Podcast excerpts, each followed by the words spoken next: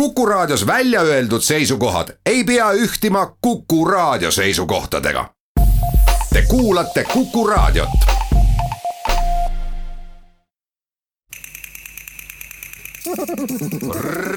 reisirada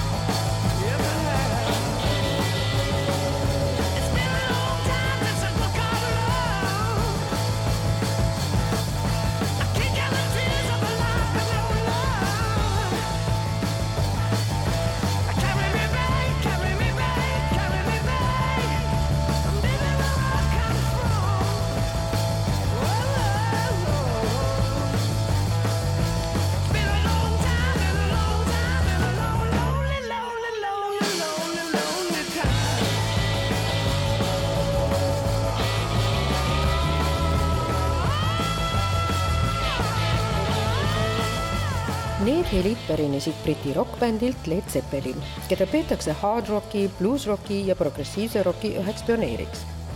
Led Zeppelini kuulame saates veel ja sellel on oma põhjus, mis peatselt ka selgeks saab. siin saatejuht Jaak Ari.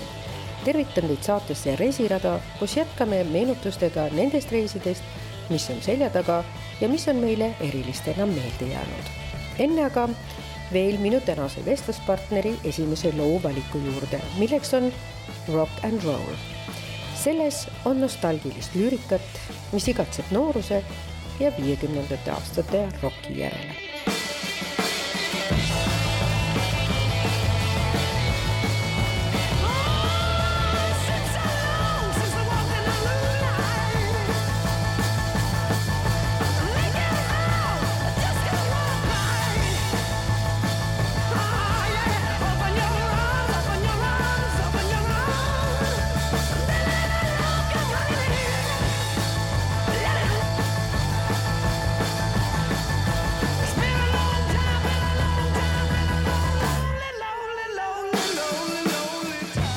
Rock n Roll kuulub koos Stairway to Heaven ja looga Black Dog kõigi aegade kõige paremini müüdud albumi laulude sekka.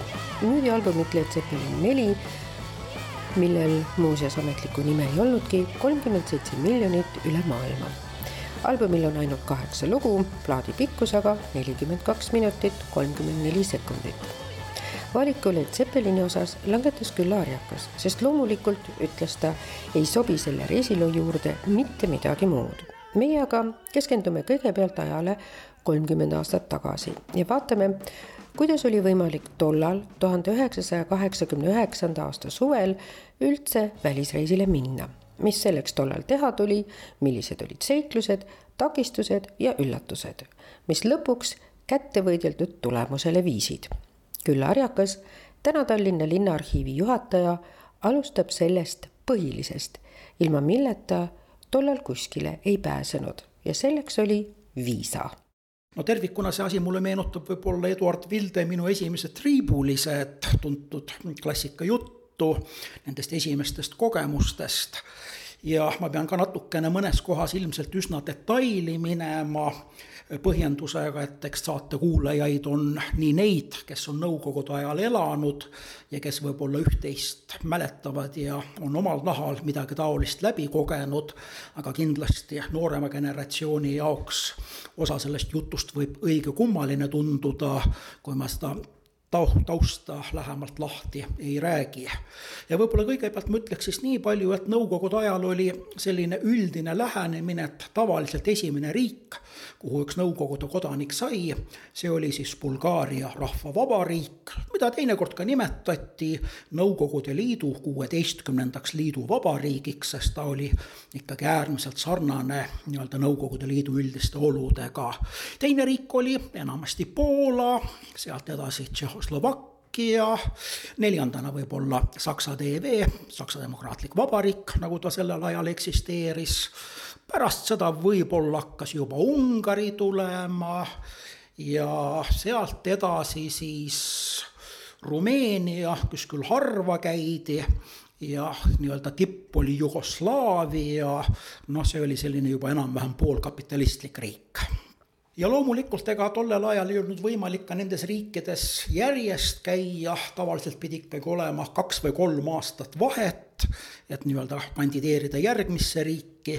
Ja loomulikult kõige eelduseks oli, et ikkagi grupi juht oli siis ka kirjutanud sellise positiivse iseloomustuse inimese käitumise kohta teises riigis, nii-öelda moraalselt kindel, kodumaal ustav ja nii edasi noh, kui Jugoslaavias käidud oli, siis võib-olla hakkas juba Soome paistma.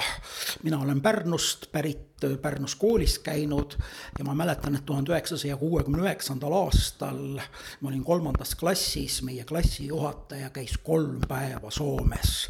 See oli selline ettevõtmine, et piltlikult öeldes pool Pärnu linna teadis, et tema sai nüüd ühe üle Eesti NSV delegatsiooniga Soome minna.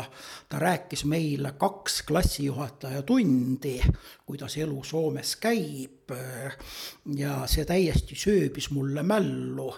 ja siin kusagil aastal kaks tuhat kolm, kaks tuhat neli Soomes hakati kokku panema ühte kogumikku, mida Eesti NSV ajal Soomes teati siin, kuidas need kontaktid esimesed olid ja kuidagi jõuti ka minuni.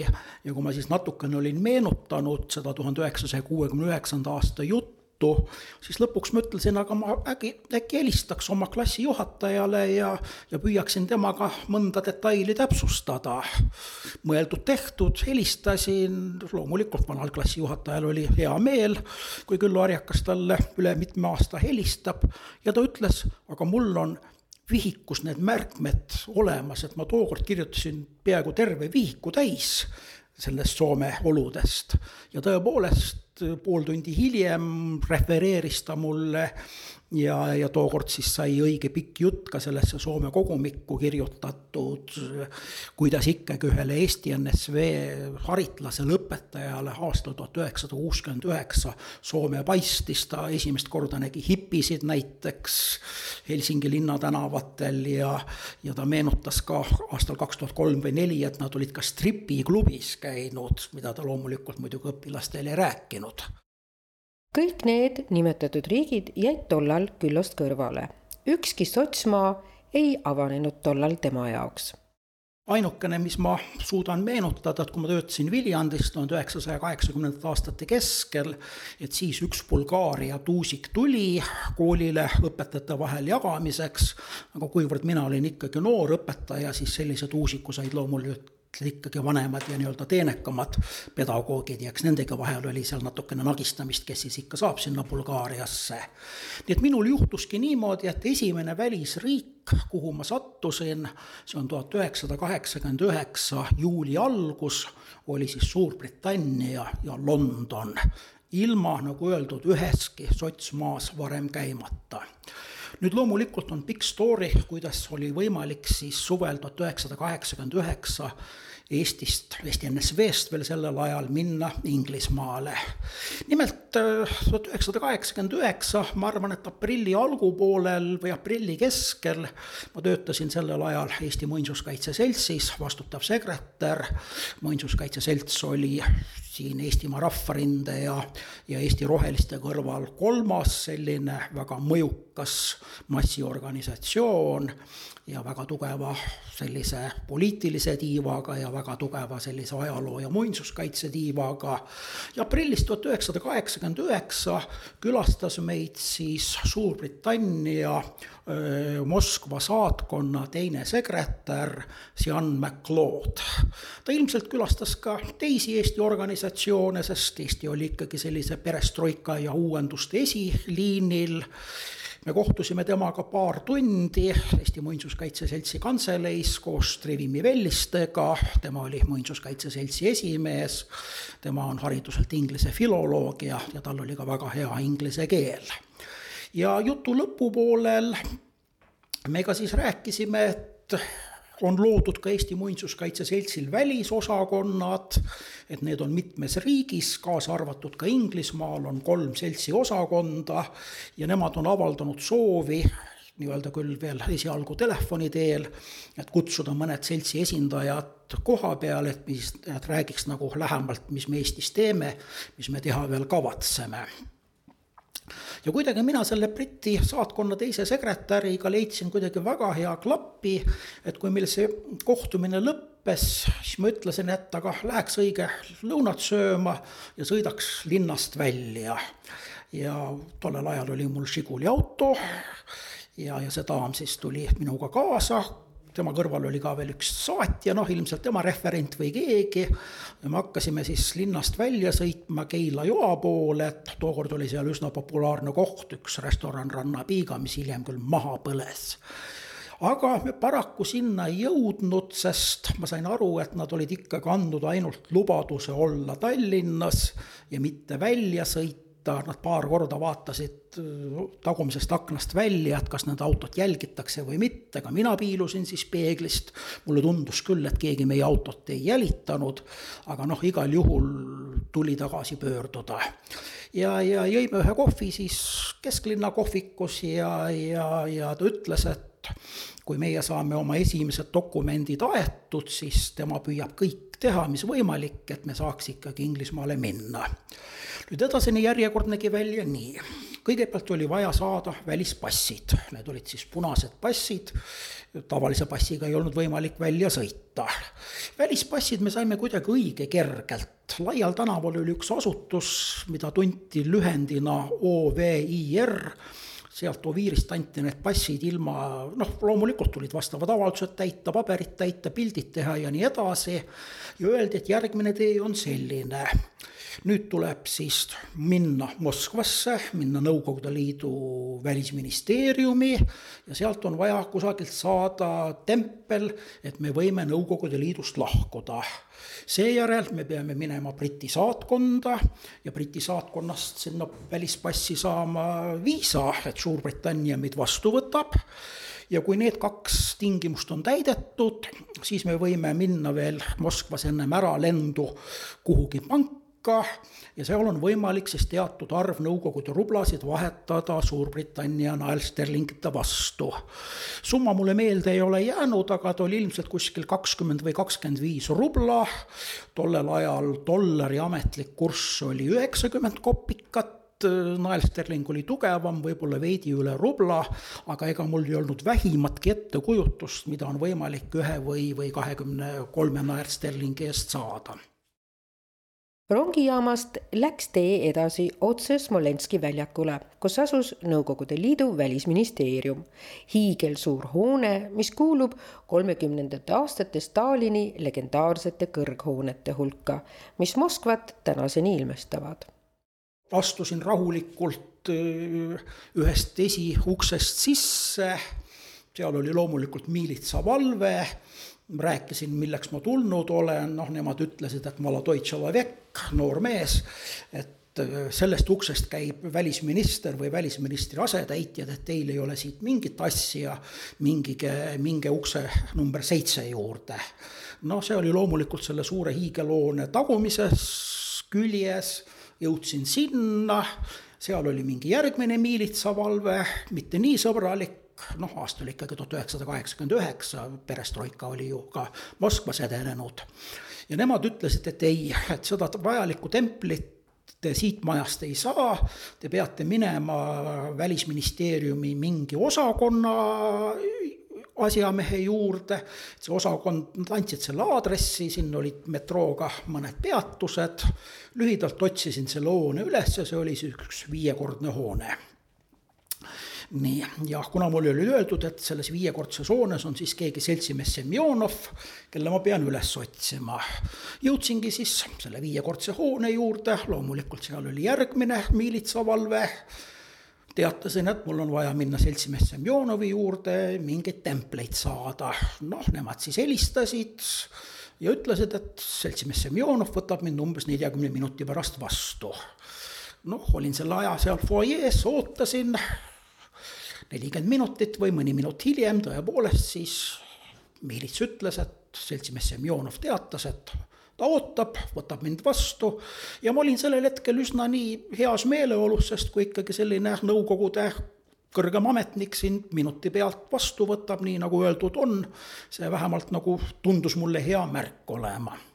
sõitsin liftiga viiendale korrusele, leidsin vajaliku kabineti, noh, see oli ikka selline silma järgi võib-olla viis-kuuskümmend ruutmeetrit suur kabinet kus siis ühes kabineti otsas oli seltsimees Semjonovi uhke kirjutuslaud, seal ees väike nõupidamiste laud, hulk toole, kõndisin siis tema juurde ja, ja, ja püüdsin siis niimoodi viie-kuue lausega kokku võtta, kes ma olen, miks ma tema juurde olen tulnud, kaks punast välispassi näpus, Trivimi Velliste oma ja enda oma, lühidalt öeldes seltsimees Semjonov viskas mind välja ma ei mäleta, mis tema põhjus oli, aga igal juhul ta ütles, et mingit templit, mingit allkirja meie ei saa ja kõndigu ma minema.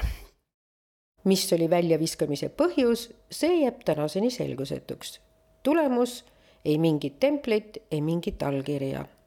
Nõutuna suures Moskva linnas teadmisega, et ilma templite ja allkirjadeta ei ole mõtet Briti saatkonda viisa järgi minna. Kuulame siia vahele teise valitud laulu, milleks on Immigrant Song, mis tekkis Led Zeppelini loomingusse peale nende kontserti Reykjavikis ja mille esimesed read viitavad selgelt Islandile, rääkides lumest ja jääst, päikesest keskööl ja kuumadest allikatest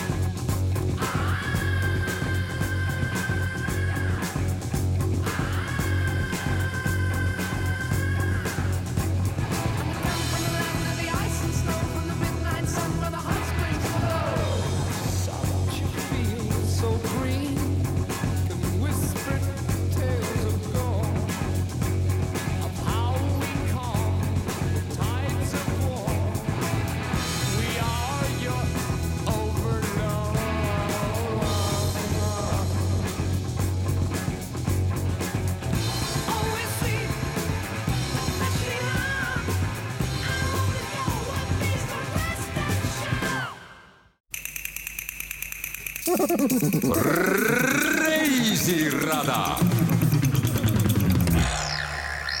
meie aga läheme siin jälle tagasi Moskvasse, kus küllal oli tund-poolteist aega mõelda ja jalutada mööda linna. nii meenutab ta oma seikluse jätku aga välja minnes ma olin tähele pannud, et seltsimees Semjonovil oli märgitud, et tema lõuna on kella ühest kaheni. ja niisiis kell kaks, võib-olla minut ennem kahte tulin ma uuesti majja, kõndisin miilitsate juurde, koputasin oma vasakule käele käe kellale ja ütlesin, et ma pidin seltsimees Semjonoviga kell kaks uuesti kokku saama. et näed, et Moskva on nii suur linn, et peaaegu jään hiljaks lühidalt öeldes nad ei helistanud ülesse, jäid mind uskuma, vajutasid nupule, värav tuli lahti, sain lifti sõitsin uuesti liftiga viiendale korrusele, seltsimees Semjonovi kabinetti ukse taha, koputan korra, ei midagi, koputan teise korra, noh, äkki pole veel lõunalt tulnud, teen ukse lahti ja vaatan.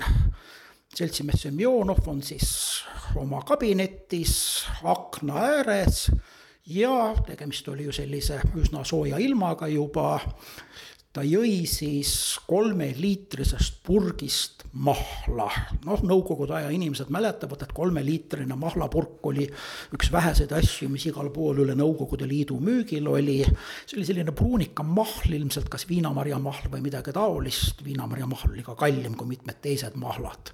nii et igal juhul tema mind tähele ei pannud, jõi siis hulk aega sealt kolmeliitrisest purgist mahla ja, ja, ja kui ta siis selle joomise oli lõpetanud ja pöördus nii-öelda kabineti sügavuse poole ja kui ta mind nägi seal laua lähedal, no siis ta ikka niimoodi käratas sellise korraliku Nõukogude bürokraadina välja siit. no ennem seda ma püüdsin jah veel kahe lausega kokku võtta, et miks ma nüüd ikka siin olen, aga noh, kui ma olin ikka näinud teda sellises situatsioonis, ta viskas mind teist korda välja tulin tulema õige kiire sammuga, et mine tea, äkki veel helistab miilitsatele ja käsib mind veel kinni pidada, aga ei. miilitsad vajutasid nuppu, raudvärav avanes, kõndisin sellest majast välja. noh, selle aja peal oli ju aeg läinud lõunasse, kõht tühi ja mõtlesin, et peaks kuhugi sööma minema, noh läheduses mis ma sealt leidsin, mis mulle meelde jäänud oli, et seal oli üks pelmennaja ja üks sardelnaja. pelmennaja, see oli siis selline nõukogudeaegne pelmeenide söögikoht ja sardelnajas siis pakuti sardelle, mis siis olid kas väga pruunid või, või väga imelikud, noh lühidalt kumbki söögikoht kuhu ma sisse astusin, mingitki huvi ei äratanud.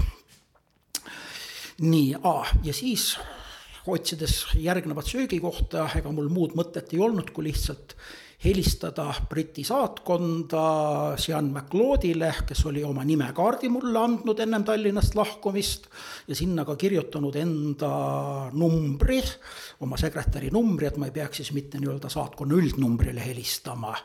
ja rääkisin talle oma kurba saatust ei templeid, ei allkirju, mis sel momendil tähendas, et reis Suurbritanniasse jääb ära Küllo leidis kaks kopikat ja täiesti tavalisest telefoniputkast õnnestus helistada Briti saatkonda. Ja nii kurtis ta oma telefonikõnes kurva olukorra üle ja kirus ka veidi. Ja natukene ma ka kirusin seda Vene süsteemi, et ei ole siin perestroikaga ka mitte midagi muutunud. helistasin kõige tavalisemast telefoniputkast, nagu tookord need tänavatel olid, kaks kopikat, sain kõne aga ta ütles mulle, et noh, et helista mulle umbes kahe tunni pärast uuesti, et ta vaatab, mis teha annab. uuteaeg andis võimaluse tutvuda ka tollase kohaliku toidukultuuriga. söögikohta ei paistnud ja nii oli kõige mõistlikum suunduda kauplusesse ja tutvuda ostmisviisiga, aga mitte ainult. ka pargis ootas tutvus otsisin üles ühe kaupluse gastronoomi, et sealt osta siis nagu ikka tollel ajal. Natukene vorsti, paarsada grammi, pool saia, pudel piima ja minna siis kuhugi pargipingile seda sööma ka muuseas Moskva gastronoomide süsteem oli selline, et ühest riiulist või nii-öelda ühe leti tagant kõigepealt sa ütlesid, mida sa soovid, siis läksid kassajärjekorda, maksid ära ja said kassast tšeki, siis läksid uuesti sinna tagasi, seisid veel korra järjekorra, siis said ühelt, ühest letist nii-öelda saia kätte ja teisest letist siis oma vorsti kätte. Olin pargis, istusin, sõin rahulikult, sest mul oli ju paar tundi aega ja ma olin enam-vähem söömise ära lõpetanud, kui minu poole jalutas üks suuremat kasvu veidi tõmmu mees. ja, ja ta igal juhul tuli minuga vestlema ja kuidagi seda ma selgelt meenutan, et väga kuidagi sundimatult saavutas ta minuga kontakti. Küsis kohe, kust ma olen, rääkisin, et olen Eestist ja, ja miks ma Moskvasse tulin. ja tema ütles, et tema on bulgaarlane ja ta tõepoolest oli selline natukene tumedam, natukene tõmmum ja vestlesime veel natukene, aga mingil hetkel mul hakkas mingi kelluke helisema, et kes ta küll selline võib olla või miks ta minuga nüüd ikkagi nii detailselt rääkida tahab, et kes ma olen, miks ma Moskvas olen, ma nimetasin ju ka seda Briti saatkonda ja kõike. nii et ma igaks juhuks lõpetasin suhteliselt mitte midagi ütlevalt. ma olen tagantjärele mõelnud, noh, kuivõrd Moskvas ikkagi Nõukogude Liidu riiklik julgeolekukomitee, KGB tollel ajal kindlasti kuulas pealt kõiki avalikke telefonikõnesid, mis Moskva telefonide kioskitest Briti saatkonda võeti, siis täitsa võimalik, et nad olid väga kiiresti reageerinud, küllap nende süsteem näitas, millisest kioskist helistati ja saadeti siis igaks juhuks üks mees, et ta nii-öelda ka veel natukene siis tegeleks minu, minu ärakuulamisega. võimalik, et ma tollel hetkel nägin tonte ja ka praegult, aga igal juhul kuidagi äärmiselt lobedalt oskas minuga rääkima hakata ja, ja, ja, ja, ja nii see vestlus oli pärast kahte tundi oli õige aeg helistada uuesti Briti saatkonda. ees seisis külastus, mis aitas kaasa langetada julged otsused. ta ütles, tulge Briti saatkonda, ma võtan need passid teie käest ja Briti saatkond teeb kõik, mis meie võimuses on, et ikkagi saaks sõita. Jõudsin siis kokkulepitud ajal kohale, tõepoolest tuli mulle vastu, andsin passid üle ja ta ütles, et siis umbes nädala pärast on see asi selge, nad püüavad siis oma kontaktidega liidu välisministeeriumit mõjutada. aga noh, samal ajal umbes nädala pärast me pidimegi ära juba lendama, sest ka lennupiletid olid juba ostetud selle aja peale tulin tagasi rongiga, jõudsin veel samal õhtul rongi peale, küll kartsin, et äkki ma pean veel ööbima kuskil Moskvas. tookord Eesti esinduses olid nii-öelda need rahvale mõeldud toad, kus kuuekesi ja kaheksakesti oli võimalik korraga ööbida, üks rubla tuli selle eest maksta või, või rubla kakskümmend kopikat. aga igal juhul nibin-nabin jõudsin rongile õhtul, olin järgmisel hommikul Tallinnas, rääkisin Vellistele kogu loo ära ja noh, otsustasime, et läheme ikkagi täispangale ja kokkulepitud ajal sõidame Moskvasse. nädal hiljem, päeval, mille õhtul pidi lennuk suunduma Londoni poole, jõuti uuesti Moskvasse. kohale jõudes jätkusid seiklused kuni viimase minutini jällegi õhtul Balti jaamas rongile, järgmine hommik Moskvas. sealt sõitsime siis koos Vellistega Šeremetjevo kaks lennuväljale, sest Šeremetjevo kahelt väljusid rahvusvahelised lennud. meie lennuk pidi minema õhtul kuskil kella kuue poole seitsme paiku. Velliste jäi lennuväljale, leppisime kokku siis, kus raadiuses ta liigub ja mina siis läksin Briti saatkonda. no loomulikult see oli jällegi pikk sõit, sest Šeremetjeva kahest tuli bussiga sõita ühest bussi lõpppeatusest teise lõpppeatusesse. seal oli metroo lõpppeatus, sellega tuli sõita siis metrooga Moskva kesklinna, sest Briti saatkond on ju üsna Kremli lähedal. ja, ja noh, loomulikult kui ma keskpäeva paiku või pisut peale keskpäeva sinna jõudsin, siis seal oli pikk-pikk järjekord saatkonna konsulaarosakonna juures. sest ikkagi tookord juba sajad ja sajad Nõukogude inimesed püüdsid ikkagi juba välismaale saada.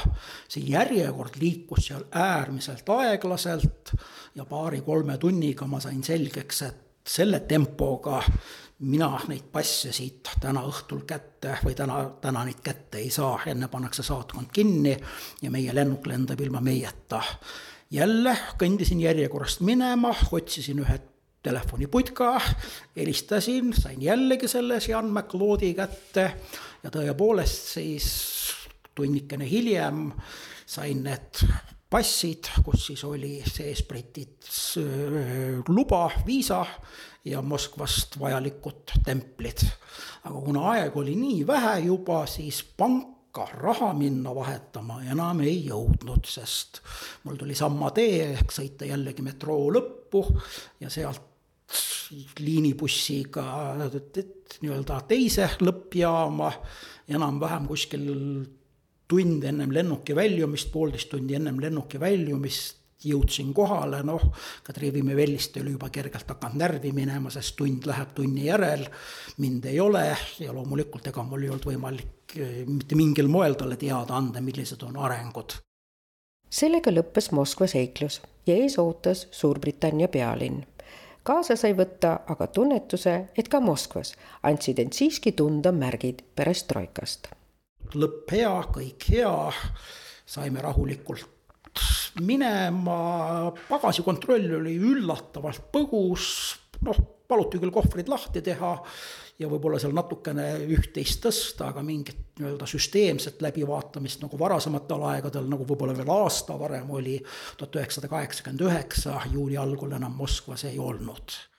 Moskva jäi selja taha enne aga, kui kaks reisimeest maanduvad, kuulame Küllo poolt valitud kolmanda Led Zeppelini laulu, mis on ehk üks ajatumatest Jimmy Page'i lugudest, mida isegi tavalise popmuusika kuulajad teavad, tänu soundtrackile Top of the Pops et osaliselt olid sõnad laenatud Muddy Watersi tuhande üheksasaja kuuekümne teisel aastal ilmunud laulust You need love ei kahanda selle võimsust. siin ta on whole lotta love.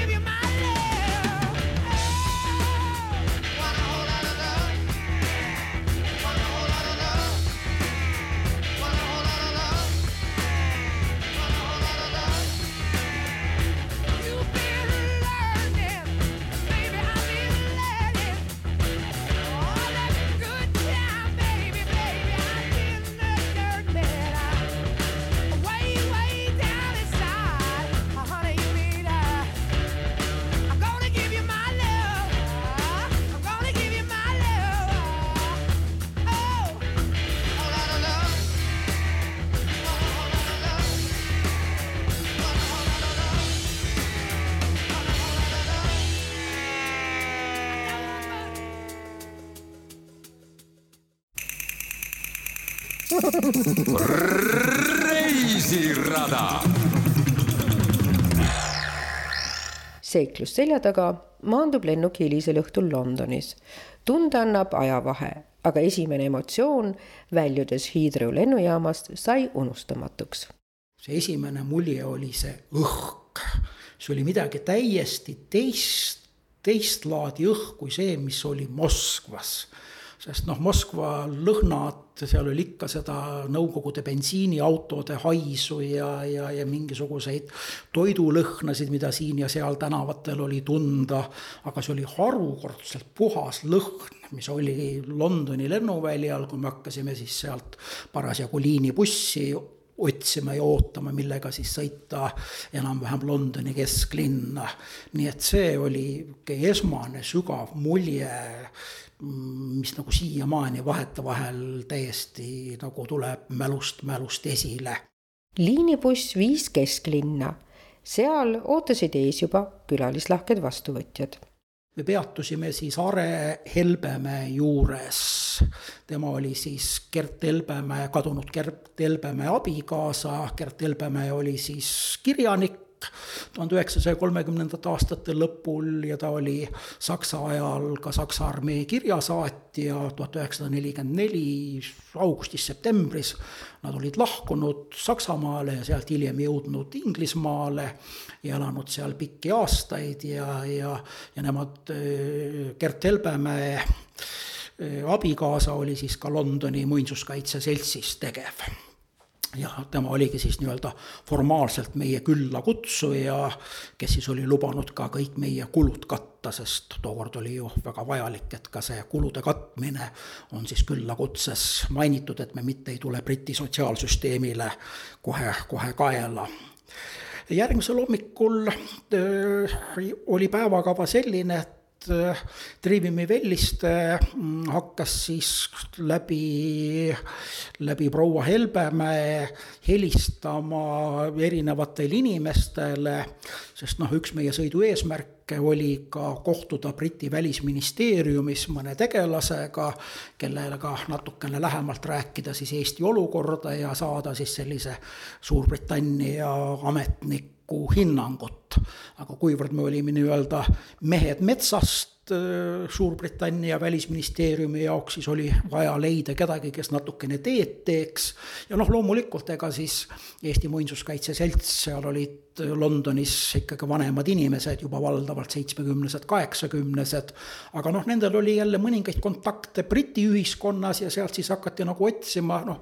mõte oli, et, et meid ei võtaks vastu mitte välisministeeriumi, ütleme seitsmenda taseme ametnik, kes poolviisakusest meid võib-olla ära kuulab, vaid noh, ehk saaks, ütleme sellise viienda kategooria ametniku juurde. ja igal juhul Velliste jäi siis hommikul helistama, mina siis otsustasin, et teen nüüd nagu mõned jalutuskäigud. Peale esimese mulje ja suurepärase õhu ootasid poolepäevasel jalutuskäigul ees avastused ööbimiskoha ümbruse kvartalites, kus koos avastustega selgus veel üht-teist muudki. esimene kauplus, kuhu ma sattusin, oli suur alkoholipood see oli üsna vara, ma arvan, et kell oli kümme või, või veidi varem või veidi hiljem. igal juhul ma olin ainukene inimene selles suures alkoholipoes ja esimesel hetkel mul jäi mulje, et see on nagu mingi iseteeninduslik kauplus, sest seal ühtegi inimest kuskil ei paistnud olema. ainult lõputud letid maast laeni, kõikvõimalike erinevate alkoholisortidega üle maailma, noh. midagi sellist ma polnud kunagi varem näinud. no ma peaks ka ütlema, et kuna ma olin Pärnust pärit hiljem õppinud Tartu Riiklikus Ülikoolis, töötanud Viljandis. mul ei olnud ka sellist Soome televisiooni kogemust, mis ütleme vähemalt siin Tallinna või Põhja-Eesti inimestel oli. et nii harva, kui ma Tallinnas käisin, siis veel harvem sai seda Soome televisiooni vaadatud ja mul endal, ma tulin Tallinna tuhat üheksasada kaheksakümmend kuus sügisel. mul endal ka ei olnud ka tollel ajal televiisoritki mitte.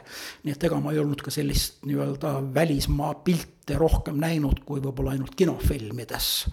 aga sellist nii-öelda olmelist linna, olmelise linna pilti ma polnud kunagi näinud. ja no ma tõepoolest siis jalutasin natukene ümber kvartali, külastasin kauplusi, vaatasin neid inimesi noh, see oli ikkagi mingi, mingis mõttes ikka kultuurishokk täiesti sa ikka, sa nagu selgelt said aru, et, et kuidas meid on ikkagi siin Nõukogude Liidus petetud. kuidas meil on mingit udujuttu räägitud, eks ju, maailma kõige progressiivsemast ühiskonnast, mille järgi siin paljud tahavad joonduda. ja, ja nii edasi ja nii edasi, nii et, et see oli ikkagi selline omaette, omaette kultuurishokk mis mind esimestel tundidel seal tabas pealelõunaks olid kohtumised Briti välisministeeriumis järgmisteks päevadeks kokku lepitud ja võis minna lahendama uusi ülesandeid, millega kaasnes ka uus äratundmine.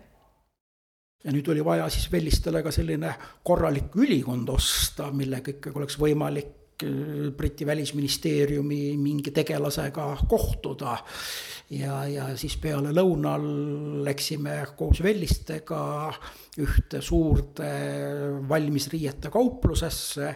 ja seal ma siis ka esimest korda nägin sellist kapitalistlikku kauplemist. selles mõttes, et nii kui me olime ikka natukenegi seal ühe või teise ülikonna vastu huvi tundnud, siis kohe ikka üks või kaks müüjat piltlikult öeldes sööstsid meie poole, et meid hakata nõustama ja aitama aitama. ja no loomulikult äh, ega me sealt kauplusest niisama välja ei saanud, Velliste, kes pidi ostma ülikonna, ülikonna järel leiti, et sellele ülikonnal on ka särki vaja juurde. ja kui särk oli ostetud, siis ilma lipsuta see ei, ei sobi, tuli lips ka veel juurde. nägin esimest korda sellist nii-öelda kapitalistlikku kokku kauplemise oskust. ja kõige lõpuks, mis mind ka tollel hetkel imestama pandi, imestama pani, et kui see hind oli kokku löödud, mis oli võrdlemisi suur. ja minu mälu järgi ka proua Helbemäe finantseeris seda ülikonda, et pärast eh, nii-öelda kassa kokkulöömist, siis tehti ka täiesti märkimisväärne hinnaalandus. Sest sellist asja ka nõukogude süsteemis kunagi ei olnud. mis tahes kaupluses, linnas või maal, hind oli fikseeritud ja täpselt nii sa selle hinnaga said, võib-olla nii-öelda kolhoositurul võisid veidi veel ehk kaubelda ja, ja, ja ka see oli selline omapärane kogemus. ja Vellist isegi püüdis sealt veel hinda natukene alla saada, kas viis protsenti või mis ta ka veel natukene läks kohe selle nii-öelda kapitalistliku müügimänguga kaasa. aga seda tal enam ei õnnestunud nii et ma arvan jah, et selle ühe päeva kohta tuli neid muljeid ikkagi õige palju ja, ja, ja võib-olla ka selline viimane kogemus, mis mällu on jäänud sellest esimesest päevast. et kui mina olin nii-öelda omal käel pool päeva ringi jalutanud ja kui me pealelõuna koos Vellistega ringi käisime ja neid kauplusi otsisime. et ma ei olnud õhtuks väsinud, sest noh, mul oli jällegi võrdlus Moskvaga. Moskva oli äärmiselt väsitav linn, isegi kui sa seal metrooga liikusid, mida enamik inimesi ju tegi, ikka ikkagi Moskva kuidagi äärmiselt väsitas. Ja see mind pani üllatama, et, et päev otsa Londonis ringi käimist, ringi jalutamist ja õhtuks mingitki väsimust ei olnud, noh, võib-olla oli see osalt seotud ka sellise emotsionaalse seisundiga, sest kogu see vaimulaad oli ju teine ja, ja see lähenemine oli teine. aga seda ma ka hilisematel reisidel tajusin, et ikkagi need lääne suurlinnad on omal moel inimlikud. kui sa seal mõnda muuseumit või mõnda kohta otsid, siis kusagilt hakkavad tulema asfaldijoonised, nüüd on kaheksasada meetrit, nüüd on viissada meetrit meetrit. et nad kuidagi, kuidagi ikkagi need mõõtmed on seal kuidagi inimlikud. ja noh, kuna meil ka raha oli ju vähe, meil mõlemil oli raha vähe eks me ju ka jalutasime seal järgnevatel hommikutel või õhtutel kesklinna ja siiski elasime jah, üsnagi kesklinna lähedal Kensingtoni rajoonis. Aga ikkagi, ega viite või kuute metroopeatust Äh, ei tahtnud raha kulutada, käisime jalgsi ja, ja see kogemus oli ka järgnevatel päevadel, et London kuidagi ei väsitanud. sest noh, teades, et Moskva on ikkagi suur linn ja London Moskvast veelgi suurem linn, siis ma kuidagi a priori arvasin, et noh, selles linnas on äärmiselt raske ja kurnav olla. aga see oli ka üks kogemus, nagu ma ütlesin, mida ka hiljem Pariisi või mõne teise linna puhul kogesin, et need lääne linnad ikkagi ei väsita toimuski esimene kohtumine Briti välisministeeriumis. unustamatu mulje oli aga jätnud inimene Briti saatkonnast Moskvas Sean McLeodi nimekaart on mul siiamaani alles, ma olen seda üle kolmekümne aasta hoidnud niimoodi. aga, aga selle teise tegelase nimekaart on siin võib-olla jah, nende kolimiste käigus nüüd kuhugi, kuhugi kaduma läinud. ja, ja noh, üks teema, Velliste loomulikult põhiline rääkija oli, sest tal oli ikkagi väga hea inglise keel. ja, ja, ja üks teema, mida ta ka tutvustas, oli siis Eesti kodanike liikumine, Eesti Kongress, välis-Eestis tegutsev pagulasvalitsus, aga ma ka väga selgelt mäletan, kui Briti välisministeeriumi tegelane ütles, et Suurbritannia välisministeerium ei tunnusta, või tähendab, Suurbritannia valitsus ei tunnusta eksiilvalitsusi, andes selgelt mõista, et et teil ei maksa sellisele eksiilvalitsuse juriidilisele järjepidevusele tänases karmis ja reaalses maailmas mitte loota. noh, eks ta ütles seda võib-olla ka veidi delikaatsemalt, aga, aga ka piisavalt selgelt nii et jah, see London ja, ja eks Londoni kõrval meil olid ka järgnevatel päevadel sõidud, sest Inglismaal oli kolm kohalikku muinsuskaitseklubi. pealinna kõrval ka veel Leicesteris ehk Leicesteris ja, ja kolmandas linn mul hetkel ei tule isegi meelde. no need olid niimoodi mõnesaja miili kaugusel Londonist ja, ja loomulikult me siis käisime kõigis kolmes klubis esinemas olid kohtumisõhtud, tee peal autoga sõites nägin neid uhkeid Briti kiirteid ja maanteid.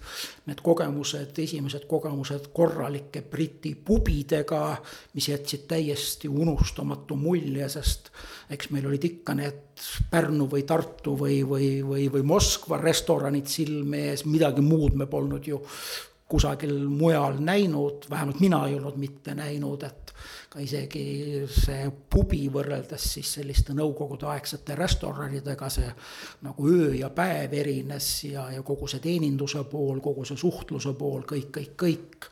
no see oli ikkagi midagi tõeliselt, tõeliselt vapustavat minu jaoks saate lõpetuseks neljas Led Zeppelini lugu, mida nad ka ise peavad oma loomingu tipuks, selleks on Kashmir. Võib-olla on nii mõnigi teist selle legendaarse bändi lauljat Robert Planti ka Eestis kuulnud, kas Haapsalu bluusil või Saku Suurhallis koos oma bändiga. ja sai nii veidike osa selle ikoonilise bändi hõngust. küll Arjakas valis need Led Zeppelini lood spetsiaalselt meie tänase saate jaoks saate tehnilise külje eest vastutas Veiko Rebane. saatejuht Jaak Arin soovib, et ehk tuleb teilegi meelde mõni eriline reis, mis selja taga. küll Arjakas vaatas tollal aga korraks soovitud tulevikku. mis on ka niimoodi pentsikult meelde jäänud et kui too seltsimees Semjonov mind teist korda oli välja visanud ja kui ma jalutasin seal maja ees, selle Nõukogude Liidu välisministeeriumi mis tahes osakonna ees, siis mul mõte läks, ükskord, kui Eesti saab vabaks ma loodan, et mul on nii palju tutvusi, et ma panen kõikidele Semjonovitele Eesti Vabariiki sissesõidukeelu. et too Lontrus Semjonov, kes mind praegult ei lase Nõukogude Liidust välja, ei saaks kunagi Eesti Vabariiki siseneda. noh, kahjuks mul küll ei ole õnnestunud seda teha. ega ma ei tea ka, kas tollel seltsimehel Semjonovil on ka vähimat huvi kunagi hiljem olnud Eesti Vabariigi vastu. aga noh, tegemist oli ikkagi tuhande üheksasaja kaheksakümne üheksanda aasta juuni lõpupäevadega, mil seda Briti visiiti sai ette valmistatud ja, ja sellel hetkel mõte läks, ükskord tuleb kõikidel Semjonovitel keelata sissepääs Eesti Vabariiki.